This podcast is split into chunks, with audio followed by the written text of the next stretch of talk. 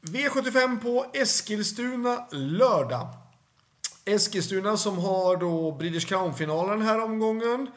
Eskilstuna så vi ska tänka på att spår 1 kan vara en fälla, i alla fall åtminstone ett väldigt svårt spår att öppna riktigt fort ifrån. Eh, och det kan ju ha lite avgörande så att säga klart påverkan. Eh, det var ju många som tvekade lite grann på spårvalen just då inför Eh, ja, när försöksvinnarna då fick välja spår eh, inför de här finalerna.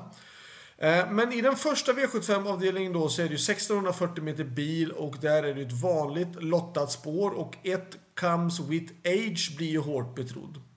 Eh, Comes with Age besitter ju en otroligt hög kapacitet men också är väl lite galopplysten ibland.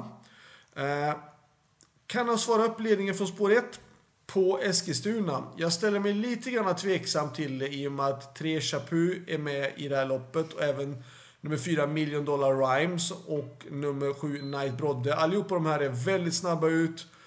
Och att då Comes with Age har just spår 1 så blir jag lite grann tveksamt inställd.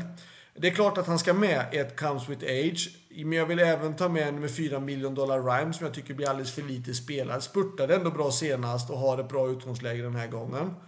Uh, sen så tycker jag nummer 9 Rom Pace Off är bra. Också ändå själv den som jag kör som spurtade jättebra i lördags, nummer 10 Phoenix Foto. Om han nu har tagit loppet på ett bra sätt på den hårda banan som var förra veckan. Så är jag självklart han en av dem som kan vinna. Så jag säger 1, 4, 9, 10. Och kan man ta med någon mer häst så väljer jag faktiskt att ta med nummer 6, That's So Cool faktiskt, som gör konstant jämna bra prestationer hela tiden. V75 6. Eh, finalen för de treåriga hingstarna och jag kör ju då nummer 5, Fame and Glory, som fick stryk för första gången i sitt liv senast utav då nummer 3, Borsa Diablo. Eh, det var ju såklart en lite grann överraskning. i och för sig att Borsa Diablo är ju en jättebra häst och var ju bra i kriteriet och framförallt i försöket i kriteriet var den också jättebra.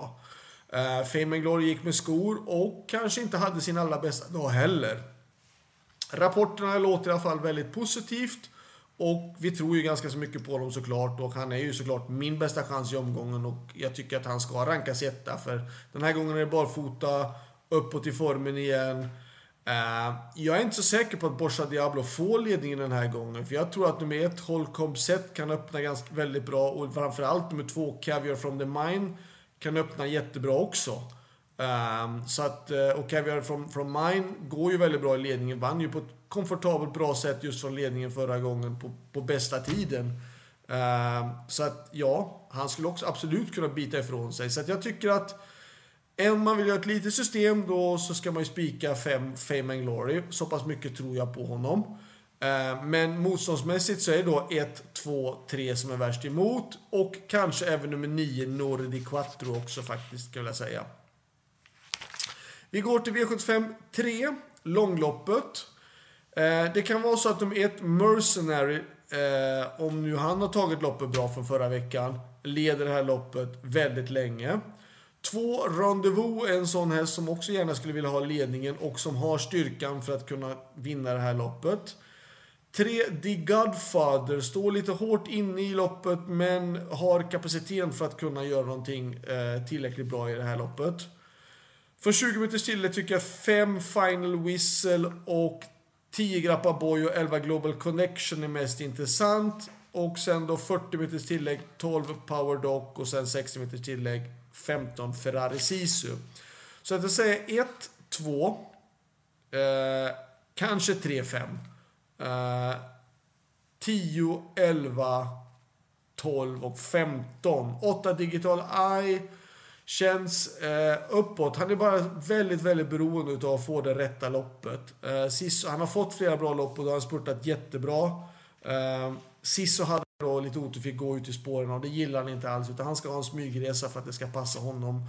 Han känns fin i jobben så får vi se. Han är väl en sån där sjunde, åttonde, nionde häst. I det här loppet ska han rankas som ungefär. Vi går istället till V75 4.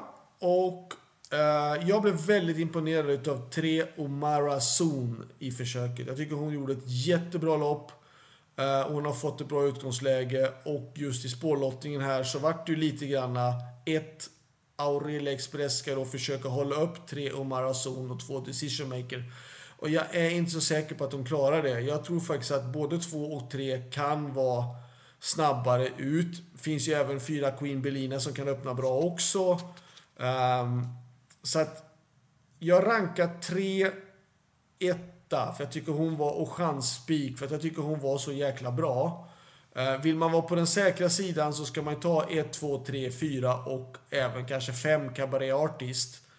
Varningen för mig, det är en häst som blir lite grann bortglömd tycker jag, som har varit så ruskigt bra i år tidigare och det är nummer 10, Joy Sisu. Jag tycker hon gjorde ett kanonlopp senast, spurtade bra. Eh, blir alldeles för bortglömd på spelet den här gången och vill man göra roliga drag i det här loppet då tar man 3-10 bara. Eh, om man vill göra lite grann utmanande. Men 1, 2, 3, 4, 5 och 10 är de som ska räknas i sådana fall. V75 5. Eh, stor chans att fyra Tears in Heaven leder det här loppet runt om. Vad talar emot, eller vad talar för? Ja, det är spåret. Eh, hästen går väldigt bra i ledningen. Var ju imponerande bra näst senast. Eh, vad som talar emot det kanske kan vara att det är 2640 meter och inte någon medeldistanslopp. Eh, det som talar emot mer är också att det finns en häst som har haft mycket otur i år men som egentligen kunde ha haft eh, tre, fyra gånger så mycket mer pengar på sig om den haft lite mer flyt och det är nummer 9, Excusez-moi. Eh, gör nu debut i Daniel Wäjerstens regi. Hästen är gynnad av distansen. Jag tycker även att han går ner motståndsmässigt också. Uh, och jag tycker att det är superintressant. Jag tycker att han har haft väldigt mycket otur. Men nu ska jag gå igenom en lång rad och så ska jag säga att för fem starter sen spurtade han jättebra i um, Eskilstuna. Uh, fyra starter sen så var han nära på att vinna i lite dålig travstil i och för sig, men gjorde ett jättebra lopp då. Tre starter hade bara otur i derbyt och fick en dålig dragrygg i försöket. Eh, och tempotorsk. Eh, sen så Eskilstuna satt fast näst senast och sist hoppade med lite strid på gaffeln.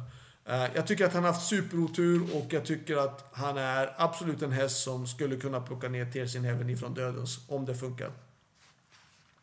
Själv kör nummer två Global Above All och det är också Wäjerstens häst, men det är väl klart att hästen har inte startat sedan i oktober. Eh, lite frågetecken på formen. V75 6 treåriga Stonas final och jag blev lite förvånad när lottdragningen var i det här loppet. För att ett Ester Digliday bara rusade fram och tog spår 1 bakom bilen. Jag fick en känsla av att man inte vet om att just att ett bakom bilen på Eskilstuna inte är så där jättebra.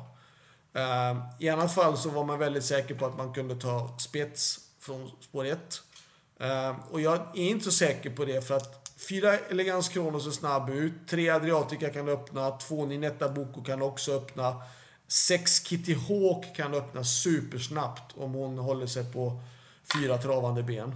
Eh, hon har ju hoppat bort flera gånger när man har laddat och varit osäker, men hon har ju funkat bra på slutet. Ehm, eller funkar i alla fall bra i försöket. Och håller hon sig i skinnet så kan hon absolut spetsa. Då är det nästan ingen som kan hålla sig emot henne tror jag.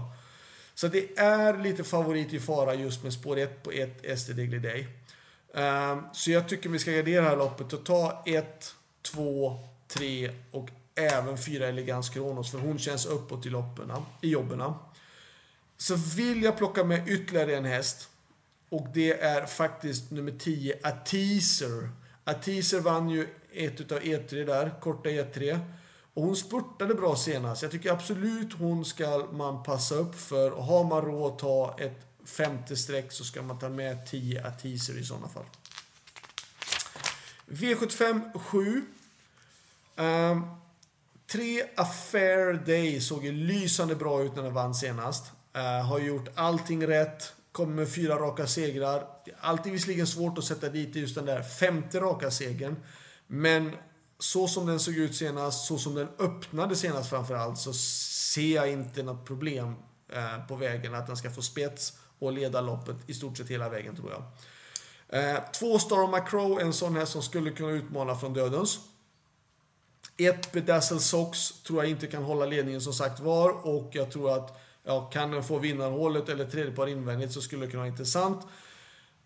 Men i grund och botten så är ju Bedazzled Sox den bästa hästen i loppet tycker jag. Så att jag säger så här, jag rankar loppet som 3, 1, 2 faktiskt. Eh, med tanke på spåren och sådär.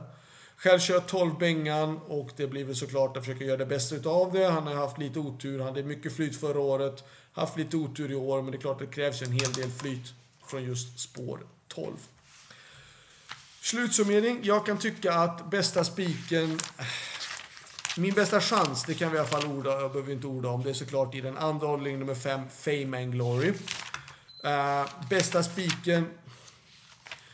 Jag är lite grann inne på att bästa spiken skulle kunna vara om man vill chansa i den fjärde hållningen på nummer 3, Omara Zon. Eh, alternativt om man vill gå på den sjunde avdelningen då, nummer 3, Affair Day. Eller om man då såklart vill gå på min styrning då i den andra avdelningen nummer ehm, 5, Fame and Glory. Glöm inte bort att det även kommer tips till V75, eller spelarna på söndag. På Vincennes kommer jag även göra. Um, när San Motör ska starta. Ha det bra, lycka till, hejdå!